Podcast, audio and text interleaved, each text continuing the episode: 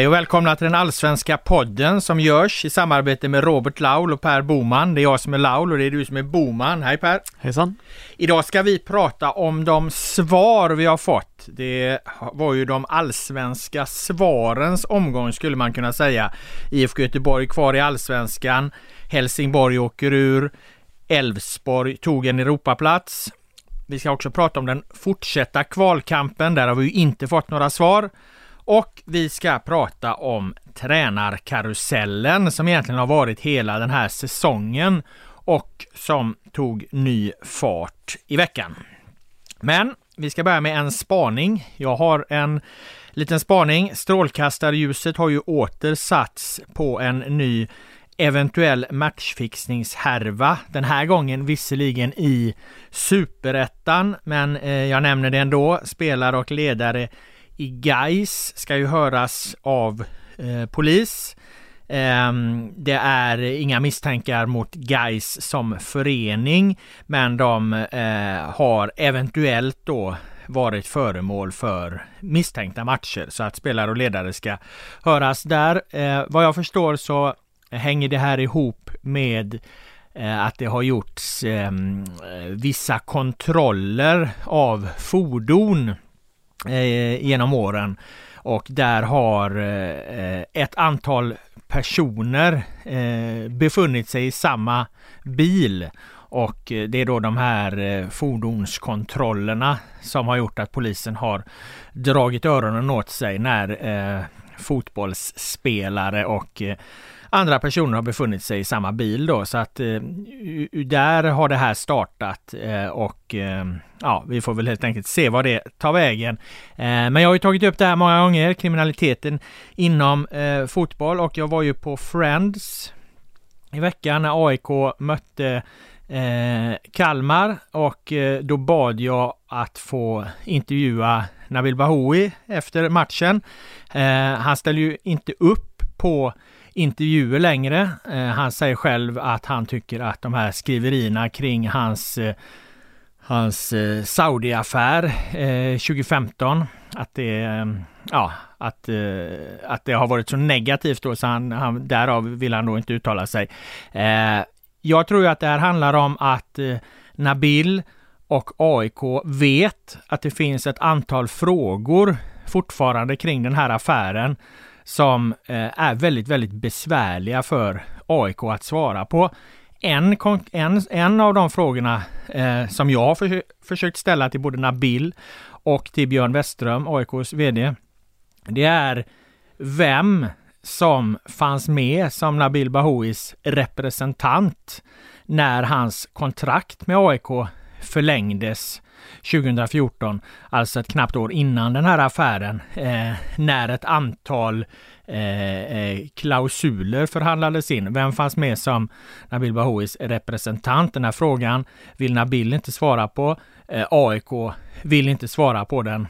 Och eh, ja, vad anledningen till att de inte vill göra det eh, ska jag inte spekulera i här utan eh, det är ju helt enkelt upp till AIK att förklara det. Men Frågan är om AIK alltså ska ha den här strategin eh, och Nabil ska ha den här strategin att de aldrig mer ska göra media att Nabbe, alltså efter en fotbollsmatch, inte kan göra media. För att den här frågan kommer ju inte eh, försvinna. Det är inte så att jag och andra kommer sluta ställa den här frågan, utan den finns ju kvar. Eh, eh så fort jag får chansen att ställa den återigen till Westström eller till Nabil så kommer jag ju göra det. Att det går lite tid har ju ingenting med saken att göra.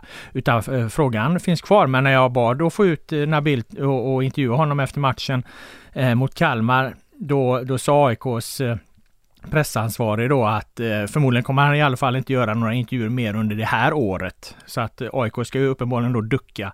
AIK och Nabil ska ducka det här året ut. Så får vi se hur de hanterar det då eh, nästa år. Och eh, vad det här sätter fingret på är ju att om man gör tvivelaktiga affärer så kanske man får igenom dem när de görs och man tjänar en miljon extra eh, eller två. Men risken är ju att det i efterhand och långt senare ställer till det.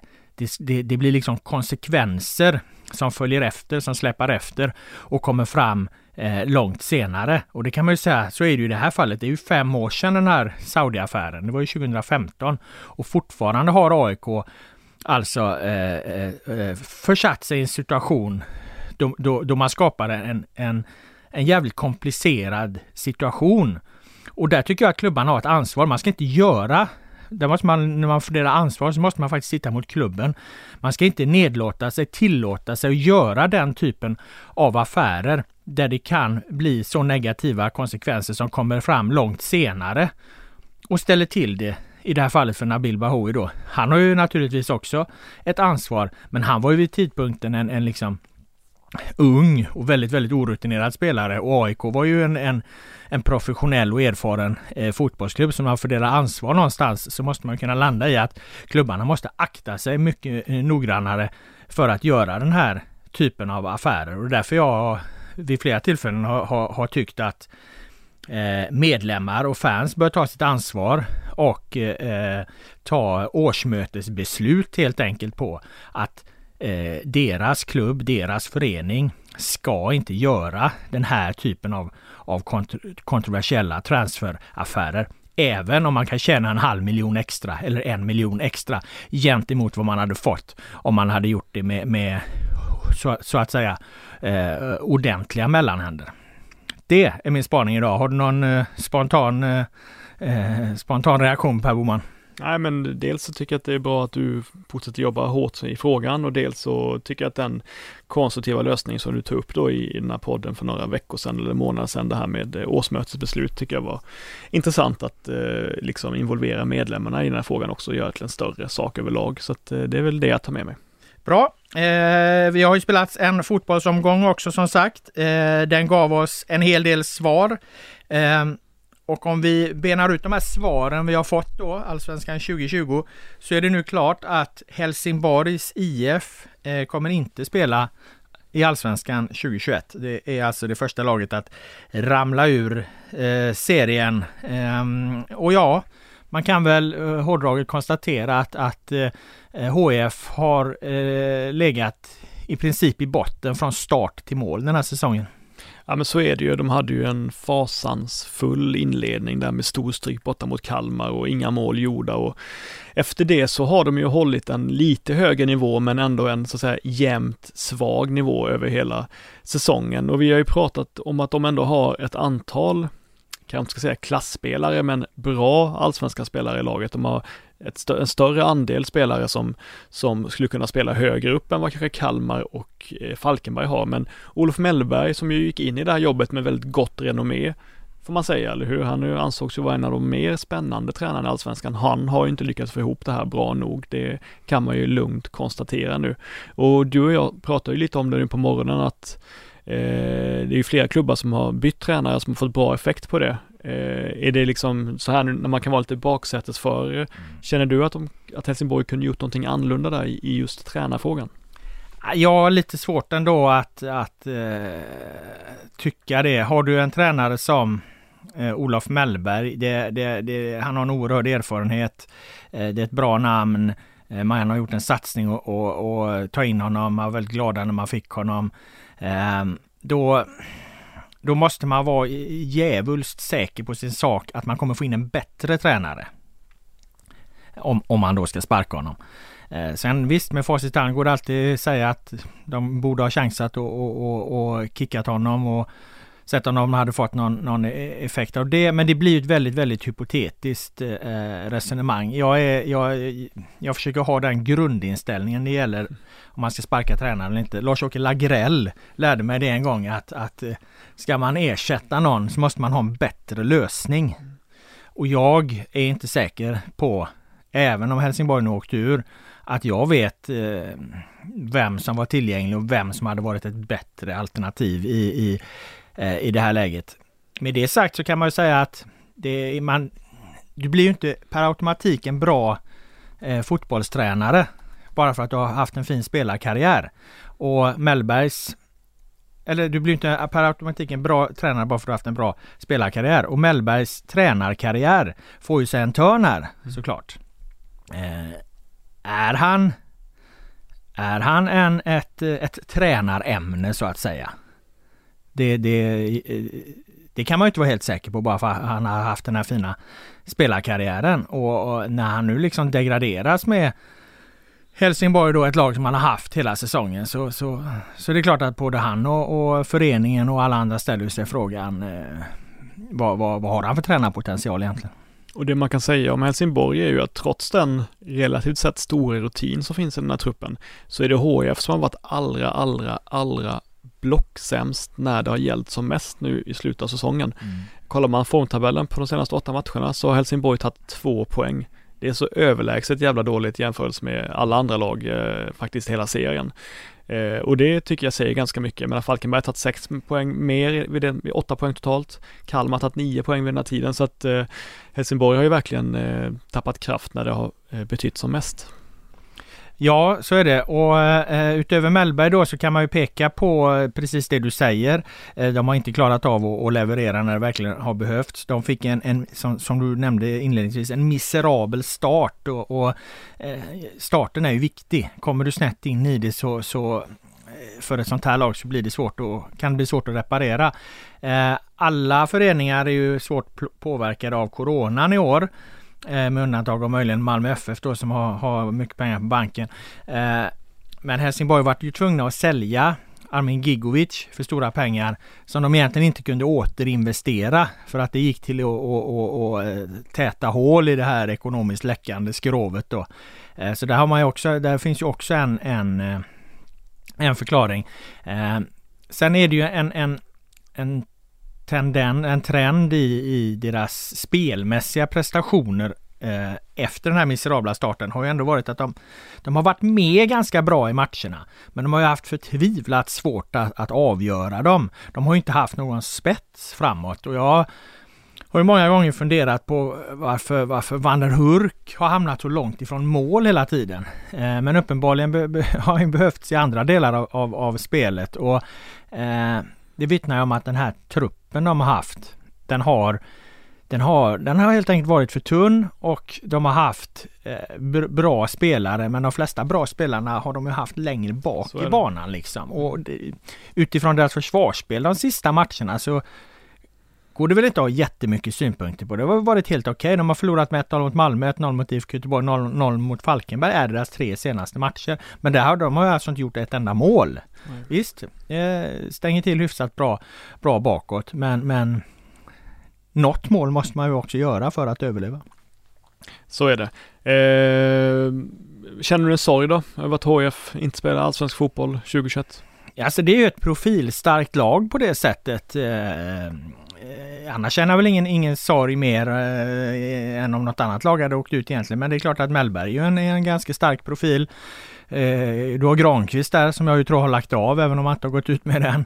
Eh, så att det är två starka profiler som försvinner. Du har deras eh, karismatiska ordförande Christer Aselius som ju var snabbt ute med, med en, en förberedd Eh, plan hur de skulle eh, hantera den här degraderingen. Alltså pressmeddelandet var ju för fan ute innan slutsignalen på Friends hade gått. Jag pratade med, eh, ska göra en, en grej på tidningen, intervjuat ett antal HF-profiler om vad som är problemet med Helsingborg. Och då pratade jag med Mattias Lindström och han sa så här, ta nu inga förhastade beslut. Och i princip samma ögonblick, nej, eller, då sa jag så, ja, apropå förhastade beslut, ja, Aselius avgick ju i princip innan det var klart. Ja, det gick jävligt snabbt sa, sa Lindström och det var ju otroligt eh, fart på Aselius. Ja. Men eh, frågan är om det här är eh, spel för galleriet. Eh, att han gör det här, dämpar eh, kritik mot honom själv och att han på något sätt eh, återkommer här. Jag är inte helt säker på att, eh, som jag sa när jag blev intervjuad i tv om det igår, jag är inte helt säker på att sista ordet i eh, sista kapitlet är skrivet om Christer Hazelius och Helsingborg utan som sagt det här var väldigt eh, planlagt att de snabbt skulle ut med det här ifall de ramlade eh, ner. Ehm, och, och då, jag, jag, tror att det helt enkelt är en del av en större plan kring hur, hur de hanterar det. Mm. Så att eh, jag blir i alla fall inte förvånad om Aselius eh, finns med på något sätt i Helsingborgs organisation eh, nästa år. Eh, det var det svaret vi fick kring bottenstriden. Eh, vi fick ju också ett annat svar och det är att IFK Göteborg inte åker ur allsvenskan. 4-0 mot Östersund eh, gör ju att eh, de då är helt klara inför den här eh, eh sista omgången. Och efter det blev klart så har man märkt en eh, man har sett en röd tråd i hur många spelare och ledare nu uttalar sig. Det är liksom det är ingen egentligen som vill ställa Poya Ashbagi, före tränaren, mot Roland Nilsson eh, eh, och säga att den ena har varit bättre eller sämre, även om det är uppenbart att tittar man poängsnitt, målsnitt, insläppta målsnitt, eh, allt, all, alla, alla snitt egentligen som går att räkna på, så har ju Roland Nilsson på de här tio matcherna gjort det väsentligt mycket bättre än vad Asperger gjorde på sina 18 matcher. Men, men när spelare och, och ledare uttalar sig så pratar man istället om Blåvitt på ett nytt sätt eller nygammalt sätt. Man pratar om att eh, eh, det är försvarsspelet som är viktigt. Det är tre poäng som är viktiga. Vi ska vinna till varje pris. Vi ska vinna nästa match. Så som fotbollsklubbar egentligen alltid måste förhålla sig eh, eh, till sin verksamhet. Det, det, känns som att när, när Mattias Bjärsmyr eh, talar om det här så bottnar han ju väldigt mycket i det för att det är ungefär vad han har sagt i hela sitt fotbollsliv. Att lag byggs bakifrån. Det handlar om att vinna eh, matchen, handlar om att vinna nästa match. Så har Mattias Bjärsmyr alltid pratat eh, om, om fotboll. Eh, Däremot har inte alla i IFK Göteborg pratat om det på det sättet. Eh, för att det finns ju en historia här där, eh, där eh, man hela tiden istället pratar om en process. Om att om, om vi gör på det här sättet så kommer det bli jättebra om tre, fyra år. Och det har ju andra ledare i IFK Göteborg slutit upp mangrant bakom. Eh, den här retoriken drev ju framförallt Poya Asbaghi då. Men det var ju andra ledare i Blåvitt som, som ja men bara för några månader sedan stod bakom det här processtänket som jag menar är helt uppåt väggarna. Eh, och eh, en av dem är ju Max Markusson. Och eh, han gjorde ju en, en intressant intervju med Fotboll Direkt kring, kring det här för ett tag sedan. Ja men det var väl några veckor sedan eh, och det var bara att jag, jag, jag studsade till på det för det var så var så tydlig skillnad på hur han uttalade sig. Mm. Det var som att han hade gått i ett slags sånt här ideologiskt omskolningsläger eh, och avprogrammerats på något, på något sätt för att det var inför matchen mot Helsingborg och jag, jag, jag verkligen noterade det för att det var så ett helt annat språk och det var ungefär så här som han sa, här, så, så här kan jag citera honom. Vi ska ha som mål att vinna allt. Vi har allting i egna händer och vi ska visa samma disciplin och den cynism vi visade mot Helsingborg, ja, det var så efter matchen mot Helsingborg. Nu ska vi bara spela cyniskt, den cynismen som, som vi hade mot Helsingborg. Alltså han pratade precis med, med, med, med, det, med det språket som han inte hade hört tidigare och det är väl, det är väl rimligt att han ställer om utifrån hur man, hur man, hur klubben ska agera. Alltså det är, väl, det är väl rimligt att den högsta chefen börjar prata ungefär som tränaren och spelarna, men det var ändå någonting man reagerade på. Ja, det är klart och eh, eh, det var därför jag nämnde Bjärsmyr, att Bjärsmyr, när Bjärsmyr pratar om ungefär liknande saker så bottnar ju han i det, för det har han sagt i hela sitt liv. Max Markusson har precis gjort en, en, en 180 graders eh, eh, sväng här och använder ju liksom ord förvisso ett, ett ord som missbrukas av väldigt många, men, men lik förbannat så, så missbrukas det ju här också. Sy, cynism, det, det handlar om avsaknad av, av, av känslor. Eh, det säger ju ingenting, det leder ingenstans, det betyder egentligen ingen, ingenting. Hade Max Markusson fotbollsmässigt vetat vad han verkligen vetat vad han pratat om så hade han ju sagt ungefär som, som Bjärsmyr eh, snarare att vi måste bygga det här bakifrån sätter vi försvarsspelet eh, eh, och eh, kan skapa en ekonomi så att vi kan värva klass framåt, ja då har vi stora möjligheter att på sikt nå framgång. Men eftersom Max Markusson inte bottnar riktigt i det där så använder han ord som han har hört någonstans. Han har väl hört någon prata om att man ska vara cynisk och så vidare eftersom det här missbrukas ganska mycket inom fotbollen och då sprider han det, det vidare för att han vet hårdraget egentligen inte vad han pratar om.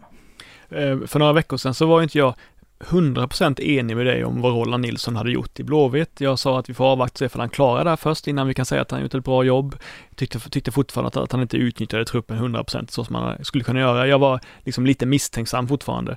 Men nu eh, när man gör bokslut då så får man ju säga att, eh, att man var lite fel ute i den frågan och du var rätt ute i den frågan. För att eh, det är klart att Roland Nilsson har gjort, nu när man kan sammanfatta det, precis det som han eh, fick uppdraget att göra, att han räddade kvar klubben och han gjorde det ganska tryggt också. Och det var väldigt bra gjort och han förtjänar beröm för det. Ville bara säga det. Ja, eh, jag tycker att man man, man, kan inte vara resultatstyrd hela tiden egentligen. Man, någonstans, det måste också finnas ett vitt mått av att titta på vad någon gör. Och det var väl det jag gjorde med Roland, att när jag tittade på vad han gjorde, även om vi inte hade fått ett kvitto på att det skulle ge resultat, så kändes det som att Roland Nilsson Eh, Eh, maximerade möjligheterna för att lösa den här situationen. Sen är ju fotbollen mer komplicerad än så och den styrs ju ytterst av vad du har för spelarmaterial.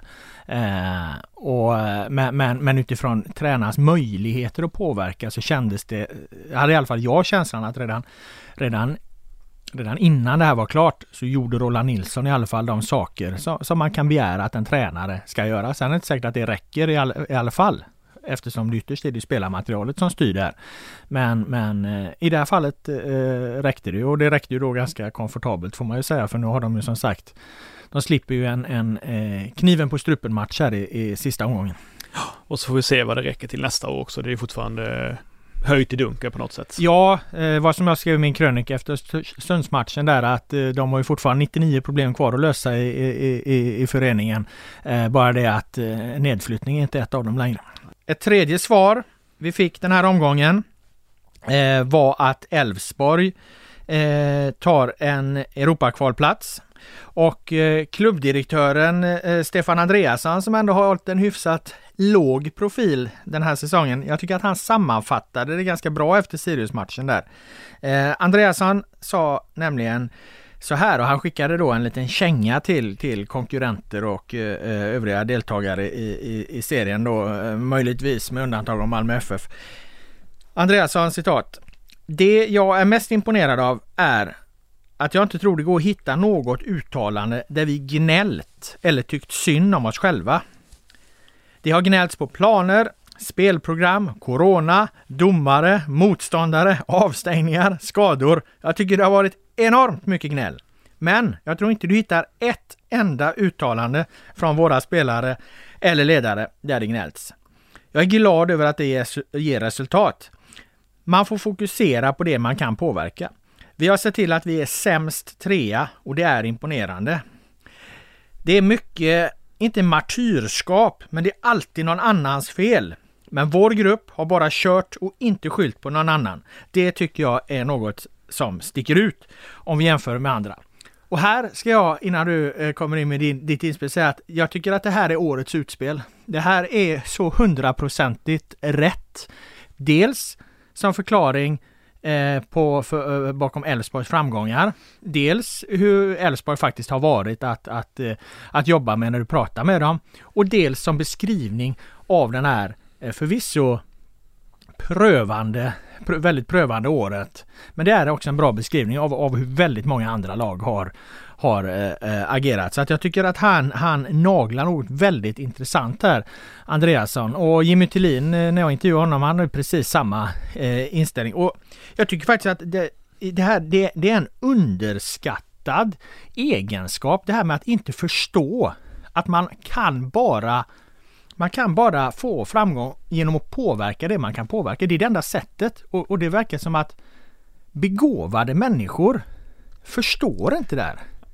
Eller? Ja, alltså så långt vill jag inte gå. Alltså jag, jag, tänker väl så här, det är absolut ett uppfriskande citat. Sen är det ju alltid väldigt lätt att säga när det har gått bra för ett lag att vi inte gnäller. Det har gått väldigt bra för Elfsborg. De har ju, de har ju eh, inte bara motsvarat förväntningarna, de har, eh, de har varit bättre än så. Mycket, mycket bättre så. Mycket, mycket bättre än vad, vi, än, än vad folk trodde. Och det är klart att det är en solig känsla då runt klubben och runt spelarna, runt laget. Det är en sak. Men Thelin gnäller ju faktiskt aldrig. Nej, det men, kan man faktiskt, det, nej, oavsett det, hur fan det går Men Thelin säger ju andra sidan ingenting heller och eh, jag vill ändå säga det. Han ju busschauffören ja, efter exakt. intervjun. Jag vill, jag vill ändå säga det, som journalist så eh, ser jag helst inte att eh, resten av klubbarna tar efter Elfsborgs exempel. Jag säger inte att man ska gnälla, men jag ser gärna att man för en, liksom en, en, en skarp och lite kantig debatt i olika sammanhang efter matcher och så. För om alla var som Jimmy Thelin, då hade vi säkert haft en, kanske en trevligare värld på många sätt, men inte haft så mycket att skriva om så kan jag säga i alla fall. Eh, så att som journalist så känns det dumt att eh, uppmana klubbar och spelare och ledare att, att, att de ska vara, så att säga, eh, alltså, det är klart folk ska inte vara destruktiv, destruktivt gnälliga ska man kanske inte vara, men för min del får de gärna ryta ifrån på olika saker och när de känner sig förfördelade. Så jag tycker det kan vara intressant också. Eh, och och eh, så kan man också säga att Elfsborg, till skillnad från flera av de andra då topplagen, eh, storstadslagen, visst de har en väldigt bra lokaltidning som följer dem mycket och vi har även rikstidningar som är där emellanåt och, och bevakar dem. Men de har inte riktigt samma bevakning som de största klubbarna har. Vilket gör att man kanske inte riktigt hamnar i lika många situationer heller där man, där man får möjlighet att gnälla på saker och ting. Så jag ville bara lägga in de sakerna generellt sett så tycker jag att han har goda poänger med det han säger. Eh, definitivt, man, man, eh, det finns ju någon slags harmoniskt över det.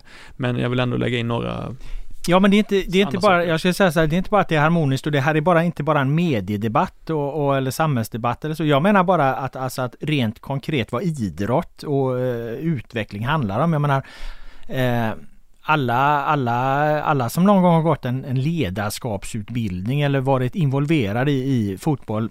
Det, det är ju liksom en slags hörnsten att du för att bli bättre så måste du fokusera på det du kan påverka. Du måste fokusera på din egen eh, prestation. Och om det andra tar, tar, tar överhanden då, då, då leder det ju till liksom en, en, en, destruktiv utveckling till slut. Om du hela tiden bara fokuserar på någonting du inte kan påverka eh, så slutar det ju med att du till slut inte utvecklas. Och när man då får ett framgångsexempel som, som i Elfsborgs fall, så tror jag faktiskt att det har en, en, en, en bäring. Absolut, sen får man ju säga att... Det, det är ju ett viktigt perspektiv. Sen det är klart, jag tycker också det är roligt när någon gör galna utspel och så för att jag jobbar som, som journalist. Men jag skulle ju aldrig någonsin eh, med handen på hjärtat kunna rekommendera den strategin till någon som vill bli bättre. Jag vet ju dock en person som har byggt hela karriären på att fokusera på saker han kanske inte borde fokusera på, men som har blivit bättre på grund av det också. En sån som Zlatan ja, till exempel, Zlatan. Är, är ett exempel på, han har ju aldrig fokuserat på det han ska, eller det är klart han, han har ju ofta fokuserat på helt fel sak så att säga, men det har ju gett, gett honom bränsle också för att, för att bygga liksom eh, sitt, eh, men för, för, att bli starkare själv. Ja, så är det, men då tror jag, då gör, där gör man ju någonstans fel, då, då tar man, då tittar man på någon som sticker ut extremt mycket. På eh, något som är väldigt svårt att eh, efterlikna. Jag skulle säga att det avgörande för Zlatans karriär är ju förmodligen inte hans Nej. perspektiv på saker och ting utan det är ju liksom den, in, den unika kombinationen av storlek och teknik som han besitter. Sen tror jag faktiskt att, att Zlatan han har, må ha en stor käft och snacka mycket. Det, det, det, det, det gör han. Men alltså hans ded eh, så dedikerad som han är att hålla i sin fysträning Oj. för att bli bättre, för att hålla den här nivån. Det är ju alldeles enastående. Så att jag tror att Zlatan är så här. Zlatan är nog snarare exempel på en person som gör allting väldigt extremt. Nej men det är självklart att jag inser att det viktigaste skälet bakom Zlatans framgång är inte att han, att han letar fiende ibland. Jag säger bara att han är en sån som inte har fokuserat, som, han är en sån som ibland har fokuserat på saker han inte kan påverka. Och jag tror att det är en, en eh, dålig strategi helt enkelt. Och jag tror att eh, Andreasson, och jag tycker det är bra att Andreasson eh, lyfter det. För att jag tror att det för snarare utvecklingen framåt än motsatsen. Och nu har vi sett väldigt mycket av motsatsen i år och då är det ju bra att någon faktiskt sätter ner foten och säger det här kanske, ska vi verkligen hålla på så här? Ska, ska, ska vi verkligen liksom gnälla på allting? Och exakt, men på samma sätt som att det inte, att, att jag menar Elfsborgs viktigaste skäl till att Elfsborg gör bra ifrån sig, det är ju att de, de har en klok tak, taktiker som, som tränare, man har fått rätt spelare på rätt positioner, lyckas utveckla dem på rätt sätt. Men givetvis har det också en, en inverkan det att de fokuserar på rätt saker. Ja, det tror jag. Och jag tror att eftersom Jimmy Tillin just är så jävla extrem på att fokusera på, på eh, rätt sak så tror jag det är en väldigt relevant del i, i eh, beskrivningen av, av, av eh, framgångssagan Elfsborg 2020. Eh, ehm, det är ju egentligen inte Andreasson det är bara, alltså, vad Andreasson gör är att han sätter ju egentligen bara, bara fingret på det. Men den som driver det här internt skulle jag säga är, är Jimmy Tillin. Och Jimmy Tillin för att använda ett uttryck vi hade i en tidigare diskussion där, han bottnar ju väldigt tryggt i det här. Han, han, han, inte ens med ett pistol mot huvudet så skulle ju han eh, eh, skylla på någonting han inte kan påverka. Han är ju, han är ju verkligen, eh, han står ju verkligen tryggt med det. Däremot så hade jag en diskussion efter jag hade intervjuat honom där jag sa att det skulle vara jävligt intressant Jimmy att få se dig i en storklubb. Hur skulle du agera då när det här liksom trycket kommer? När när man, man börjar bli lite ifrågasatt i en storklubb och du kanske för att blidka fansen måste göra ett domarutspel för att flytta fokus från din egen eh, eh dåliga prestation. Skulle Tillin liksom kunna stå emot det trycket i Hammarby till exempel, eller AIK eller någon av de här större klubbarna. Det hade varit jävligt intressant att se om, om, om, om han även där eh, eh, står stadigt. Eh, bra, har du något mer om Elfsborg? Eller ska vi studsa vidare i vårt schema? Det kan vi göra. Då eh, går vi över till eh, det svaret då som vi ännu inte har fått. Och det är ju den eh, fortsatta kampen om kvalplatsen. Eh, vilka tar den då? Falkenberg eller eh, Kalmar? Och eh, Kalmar gav ju sig själva chansen här genom att eh, eh vinna med 1-0 mot AIK. Överraskande eh, för många. Själv hade jag slängt in mina sista 48 kronor på mitt spelkonto på att Kalmar skulle vinna den matchen. Och vet du när jag gjorde det? Det gjorde jag kvällen innan när det kom en nyhet om att eh, eh eh, AIK hade flera coronafall i truppen. Eh, då trodde man att det var fyra spelare och då tänkte jag okej, okay, fan fyra, eh, eventuellt fyra ordinarie spelare borta. Här går vi in med allt vi äger och har på, på, på Kalmar seger. Men hade jag bara 48 kronor på det där svenska spelkontot eftersom eh, den här jävla säsongen har man ju, har man ju fan inte fått in en, en, en trippel ens. Så att eh, det var ju i princip barskrapat där. Men jag satte mina 48 kronor på att Kalmar skulle vinna, vilket gav 199 kronor i vinst efter Erik Israelsson hade nickat in en hörna. Så nu har du kapital för ett år till ja, spelande nästan. Exakt, jag satsar, spelar ju väldigt, väldigt modest. Nu, kan jag, nu ska jag sätta dem 199 kronor, vet du vad jag ska sätta dem på? Att Falkenberg slår Mjällby? Nej, men jag ska sätta dem på att Häcken slår Kalmar. Mm, jag tror inte, okay. att, jag tror inte att, att det här är klart bara, bara för det. Så att 199 spänn blir det på att Häcken vinner över Kalmar i den sista matchen. Häcken som ju har eh, en Europaplats och, och försvara. De måste ju, eh, måste ju faktiskt egentligen vinna för att hålla eh, Norrköping bakom sig. Norrköping har ju Helsingborg i sista. Den kommer de ju förmodligen promenera hem. Eh, och då kan det bli målskillnadsaffär ifall Häcken bara kryssar. Så att Häcken behöver vinna. Andreas Alm var på plats på Friends och, och scoutade. Eh, så att eh, mina 199 kronor rätt in på Häcken. Mm. Köper du det? Eh, ja, alltså jag tror ju också att Häcken kommer slå Kalmar. Så den stora grejen blir ju såklart om, eh, om Falkenberg kan, eh, kan vinna mot Mjällby. Men jag vill även ställa, ställa, ställa någon fråga om Kalmar mot AIK. Jag, eh, jag har ju dömt ut Kalmar. Jag har varit ganska, inte frän, men kanske orättvis och sagt att det är liksom över nu och ingen kommer sakna dem och sådär. Ja, du kan fortfarande få rätt. Jag tror ju, att jag tror ju nog att du får rätt faktiskt. Ja. Var det ingen, det var inte imponerande borta mot AIK eller var det mer liksom slumpen? Nej, nej, men jag menar det är väl bra. Jag menar vi vet ju att eh, vi vet ju att eh, fasta situationer mm är ett sätt att göra mål på i fotboll. Eh, många pratar om, om eh, snygga anfall och, och, och, bra taktik, men, men jag menar precis som AIK har som strategi att ta sig till många fasta situationer för att man har en bra hörnfot i Sebastian Larsson så, så är det viktigt även för ett lag som Kalmar som har många starka huvudspelare. Nu var ju Elm, gjorde Viktor Elm comeback. Eh, han drog på sig markering. Israel som vet vi är bra på, på, på huvudet. Romario slog en bra hörna och, och eh, ja, de, alltså, de skapar den här hörnan genom ett halvdesperat, eh, halvdesperat kontring, ett, eh, ett, eh, ett ganska svagt avslut men som styrs ut i hörna och sen är det den hörnan som, som ger dem eh, segern. Men, men analysen är ju inte så mycket mer, mer än så. Det här är ju lite ett AIK som säsongen är klar för dem. Jag skulle säga att det känns som att de går lite på halvfart. Eh, de, de, spelar absolut inte, inte för livet i den här matchen. Det är Erik Karl som är jättefin eh, framåt offensivt men jag menar det var ju ingen av Sebastian Larssons eller Mikael Lustigs eh, större insatser i, i karriären det här och det ska du kanske inte vara heller när det är två omgångar från slutet och det inte betyder något. Så att ja, men analysen stannar helt enkelt på att de försvarar sig bra. En var bra tillbaka eh, och de gör ett mål på en fast situation. Mer är det inte att säga om det. Så jag tror absolut att du fortfarande kan, kan få, få, få rätt i det där att, att Kalmar kommer att åka ur allsvenskan. Och som sagt, jag ska ju gå in med mitt återstående kapital här på att Häcken vinner den här matchen. Eh, men angående AIK, bara en snabb grej där. Vi, vi pratade ju förra veckan om att de, eh, eller du nämnde att de eventuellt var seriens näst bästa lag. Är det Tar du tillbaka det? Nej, det gör jag egentligen inte. Alltså, jag vet inte om jag sa att de var seriens näst bästa lag, men jag menar den truppen, truppen. de mm. skaffade efter, efter sommarfönstret när de förstärkte med, med, med Sotte, Lustig, eh, Rogic. Eh, då, då vill jag nog hävda att, att det där eh, kan vara eh, seriens näst bästa trupp. Och hade de haft den truppen från början så, så, så hade nog mitt guldtips inte varit så jävla illa.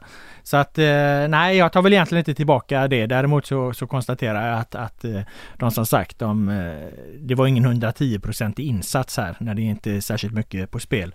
Bartosz Jellak var ju besviken efteråt och eh, jag kan tänka mig att det är det. Han vill väl ändå att spelarna ska leverera fullt. Det har man ju faktiskt ett krav på sig att göra. Men det är väl återigen också offensiven som spökar lite. Nu var ju Goitom borta. Var, mm. Eh, ser du att eh, Bojan Radulovic, kan han vara en talisman för AIK nästa år eller var det det sista vi såg av honom i den här tröjan? Nej, det sista var det nog absolut inte för att jag menar han är ju ung och han har ju ett ganska långt kontrakt så att eh, han kommer säkert få, få, få fler chanser. Men det var väl inte den här här matchen han slog igenom. Sen hade han ju då en, en, eh, en, en, eh, en hårt spelande L mot sig så att eh, han fick ju känna på allsvensk hårdhet där definitivt. För det som förvånar mig är att jag hörde någon säga det till mig för ett tag sedan att någon runt om AIK att, att de hade redan gett upp hoppet om Radulovic att nej, men han, det, det, kommer inte bli någonting liksom. Han, är inte, han håller inte helt enkelt. Men nu fick han ju starta så att det kanske var att han kanske, de kanske ger honom chansen då.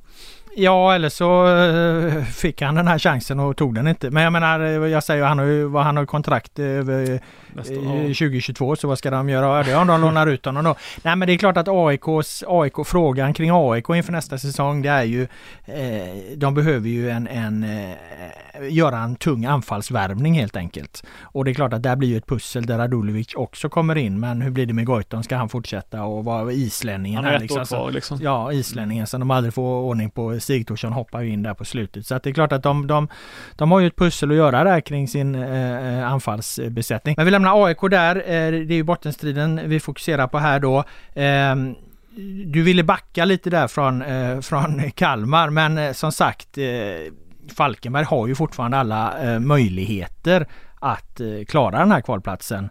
Vinner de mot, eh, vinner de mot Mjällby i sista omgången Ja då, då, då, då, måste ju, då måste ju Kalmar ta hem det här krysset mot Häcken och det är jag i alla fall inte alls säker på att de gör. Så jag menar Falkenberg kan ju mycket väl eh, eh, ta den här kvalplatsen. Tycker du fortfarande att Falkenberg utifrån Kalmars prestationer här nu mot AIK förtjänar kvalplatsen? Ja, jag tycker det. Över hela säsongen så tycker jag Falkenberg har gjort fler bra insatser än vad, än vad Kalmar har gjort. Eh, varit ett starkare lag. Eh, man ska, jag vill inte stirra mig för blind på liksom hur november har varit, så totalt sett tycker jag Falkenberg har varit, har varit bättre. Eh, sen får man säga det, det är klart att det är skönt för Falkenberg att de möter eh, Mjällby eh, hemma. Mjällby är ju ett allsvenskans tredje bästa hemmalag, men de är ju ett av de sämre bortalagen. Eh, å andra sidan så är de ett av de sämre bortalagen för att de ofta spelar på konstgräs då. Nu kommer de spela på gräs i Falkenberg, men, men eh, vi får se, vi får se om Mjällby har den där geisten i sig att de verkligen vill, att de brinner för den sista matchen, för det kommer ju Falkenberg göra i alla fall. Och Falkenberg var som sagt väldigt bra till exempel borta mot Norrköping, så att eh, eh nej men jag ger dem, jag ger dem goda chanser att vinna den här matchen. Mjällby är ju eh, annars ett eh, lag som är intressant av en helt annan anledning och det är att Marcus Lans, eh, ja det har precis blivit klart att Lans eh, eh, lämnar Mjällby, han får inte vara kvar helt enkelt och den här säsongen blev ju någonstans tränarkarusellens år i Allsvenskan. Det har varit ett år faktiskt med ovanligt många tränarbyten under tiden. Eh, Östersund sparkade tidigt. Ian Börchnall ersatte med Amir Azravjan. Eh, AIK gjorde sig av med Rickard Norling, tog in Bartosz Djelak. IFK Göteborg sparkade Poya Asbaghi, tog in Roland Nilsson. Sen har vi Mjällby då som sagt, som det är nu klart att Lans fortsätter inte nästa år.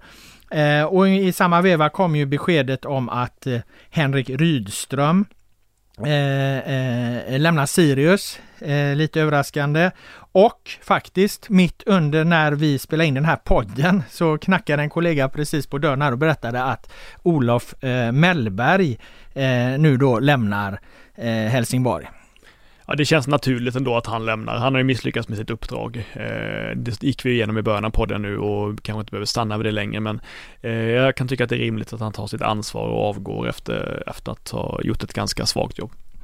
Ja, eh, så kan man ju tycka. Å andra sidan så, så var han ju kvar här nu hela, hela året då. Och, eh, och då kan man fråga, åter fråga sig, då hamnar man i den här diskussionen då, borde de ha gjort något innan för att, för att eh, chansa med det?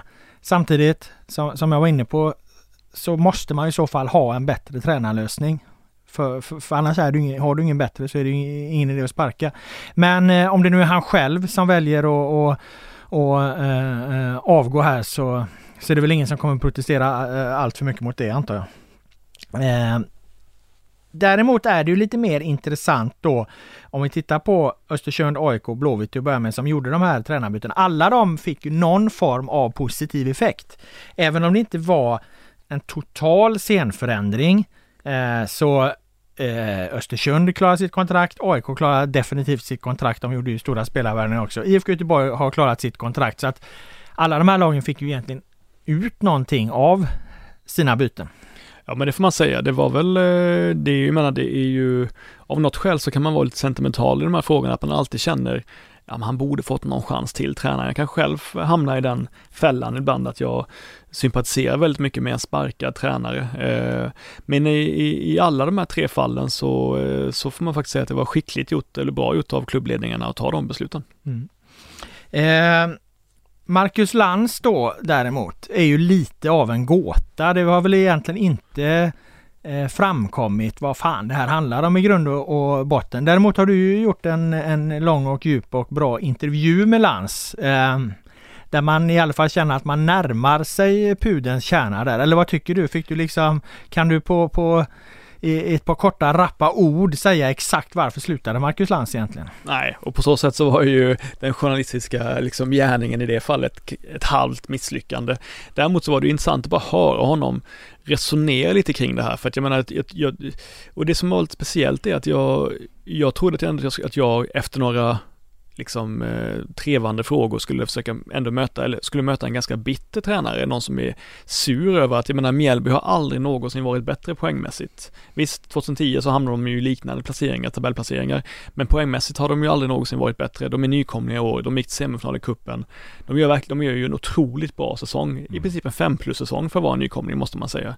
Eh, och det är klart att han får inte föra, han får inte jobba vidare med det här nu efter att ha gjort det här. Och jag tycker också att de har varit eh, liksom stabil taktisk. Jag tycker de är många bra matcher. Jag tycker att de, eh, man förstår ofta vad de försöker göra och de lyckas också utföra det. Men han var liksom jävligt liksom, vad ska jag säga det, eh, nöjd med allting ändå, eh, Lantz. Han var inte så han var inte förbannad på Mjällby, inte bitter. Han förstod att folk tycker att det var ett jävligt märkligt beslut. Han hade gärna velat fortsätta märker man. Men han säger att eh, jag kan bara skratta åt att allt går så bra. Jag lämnar med gott samvete. Tack för mig. Jag lämnar över med varm hand och sådana grejer. Eh, samtidigt säger han ju också att den nya tränaren får ju hård press på sig. Nu måste han komma trea, gå till final i kuppen och, och, och liksom sälja massa spelare för att det ska vara bättre då. Eh, men man kan väl, man kan väl, eh, man kan väl säga så här att eh, eh, det är sensationellt att man, att man väljer att avbryta med en tränare som gör så bra resultat. Å andra sidan kan man ju tycka att kanske att det är starkt av sportchef Hasse Larsson, av deras ordförande och deras klubbchef att de lyckas se bortom de kortsiktigt mycket positiva resultaten eh, för att ändå hitta en väg framåt. Jag menar det är ju totalt icke-populistiskt beslut måste man ju säga och uppenbarligen så vet de någonting som inte vi vet. Eh, Lantz antyder själv att ett av skälen är då han, de säger själva att det är hans ledarstil som inte är optimal för dem, eh, vilket ju är luddigt, eller hur? Han säger själv då att han kanske inte är tillräckligt mysig som tränare, att inte han är tillräckligt mjuk som tränare, att han saknar då, eh, vad ska vi kalla det, eh, people skills på något sätt, eh, men att han är den han är och så vidare. Och det, det, låter ju inte heller som det verkliga skälet, så det man säger, jag tycker det är svårt här att förstå. Ja, och jag känner att eh, jag eh, eh, saknar så många pusselbitar kring det så att en spekulation blir från mig liksom inte vatten värd. Eh, jag kan egentligen bara gissa kring det. Utan det, det känns som att okej, okay, här finns någonting vi inte vet. Men det man kan säga är att jag tycker man måste betona att jag fått eh, en del mejl från Mjällby-supportrar efter en text som säger att han har ju inte gjort ett särskilt bra jobb och han är taktiskt dålig och så vidare. Jag tycker det är jävla hårt att säga mot en tränare som har gjort så bra resultat. Och titta på det de har gjort på hemmaplan mot storlagen, då har de ju Eh, delvis då kunnat försvara sig väldigt lågt, eh, ibland med fembackslinje, eh, ofta till och med med det, och, och då gått på extremt snabba kontringar och spelat på ett sätt som liknar det som Jocke Persson har gjort med Varberg. Och då, båda de sätten som har varit lite mer eh, vad ska vi kalla det, eh, ja men förmoderna, eh, rak fotboll, eh, snabba omställningar har ju gett resultat i, ett, i, i, året, i, i en allsvenska som ju senaste åren har präglats av något helt annat. Så de har ju ändå lyckats med någonting eh, som är lite ovanligt numera. Mm.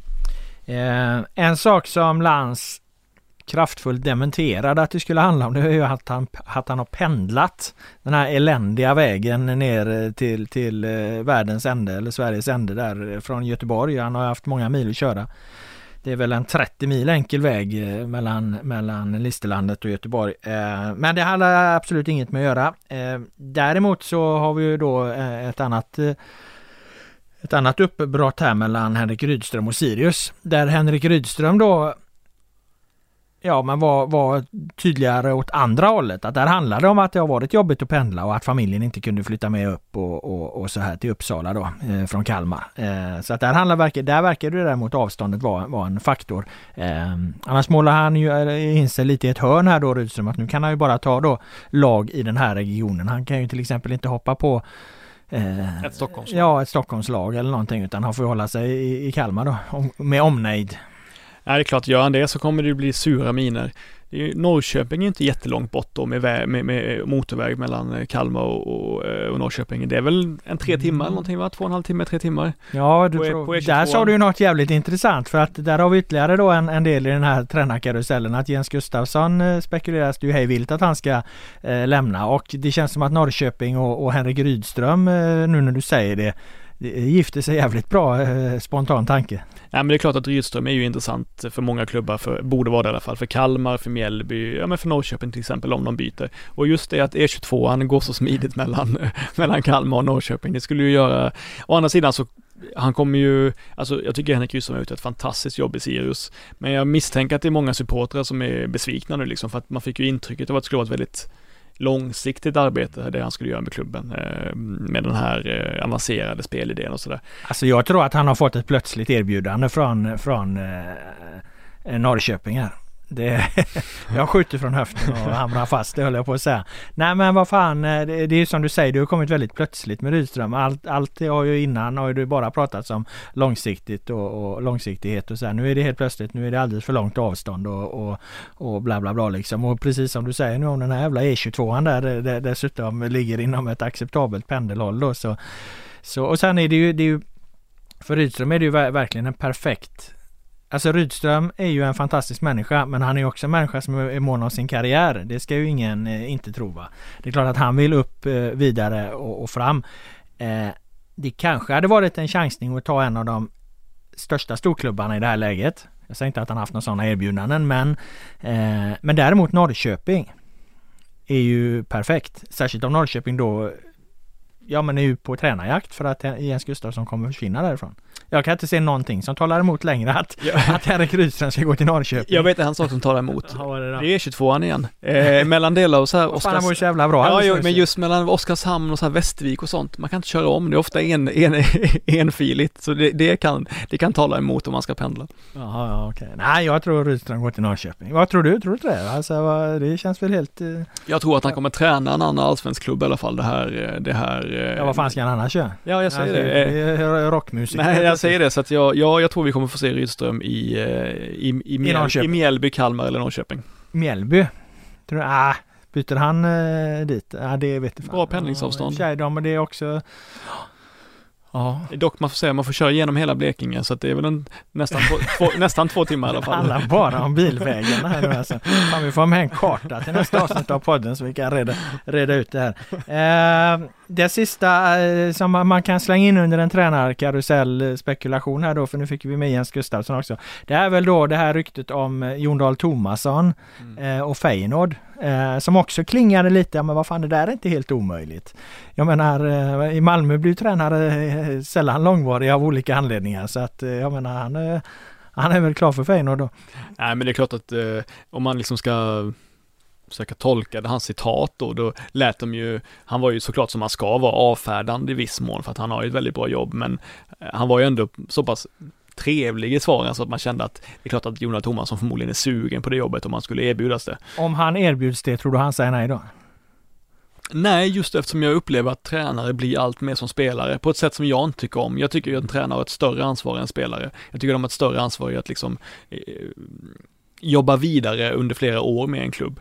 Men eh, de är ju mer och mer att de vill maxa sina karriärer så att nej, jag tror inte han skulle tacka nej till en holländsk toppklubb. Alltså om, om det nu blir så här då att Östersund byter tränare, AIK byter tränare, Göteborg byter tränare i tre. Sen har du Mjällby och Sirius byter här nu efter säsongen och så Norrköping och så har, har, har du Malmö FF. Vad fan det är ju halva allsvenskans eh, tränarkår är ju utbytt på under en säsong då i princip. Ja men det är ju mycket snack. Sen är det ju lite snack om eh, liksom Stefan Billborn och Hammarby. Jag tycker ju att han borde få chansen ett år till men det är ändå liksom, det är inte 100% givet att han får träna Hammarby nästa år, nästa år så det kan ju kan hända mycket saker. Mm. Ja, ja, vi har nog att prata om i kommande avsnitt av eh, podden också. Eh, men om du inte har något mer nu Boman Nej. så tackar jag dig eh, för dina åsikter och eh, kloka synpunkter. Jag tackar alla som har lyssnat. Den eh, allsvenska podden är tillbaka nästa vecka. Nu blir det The Village Stompers med Washington Square. 55 minuter. Ja, det är bra. Ledsen. Men det var lite rörigt där. Ja, men det är två gånger, två gånger för att klippa lite. Vad fan var det första? I början var det ju när jag sa, ska du inte tacka? Jag trodde du hade glömt.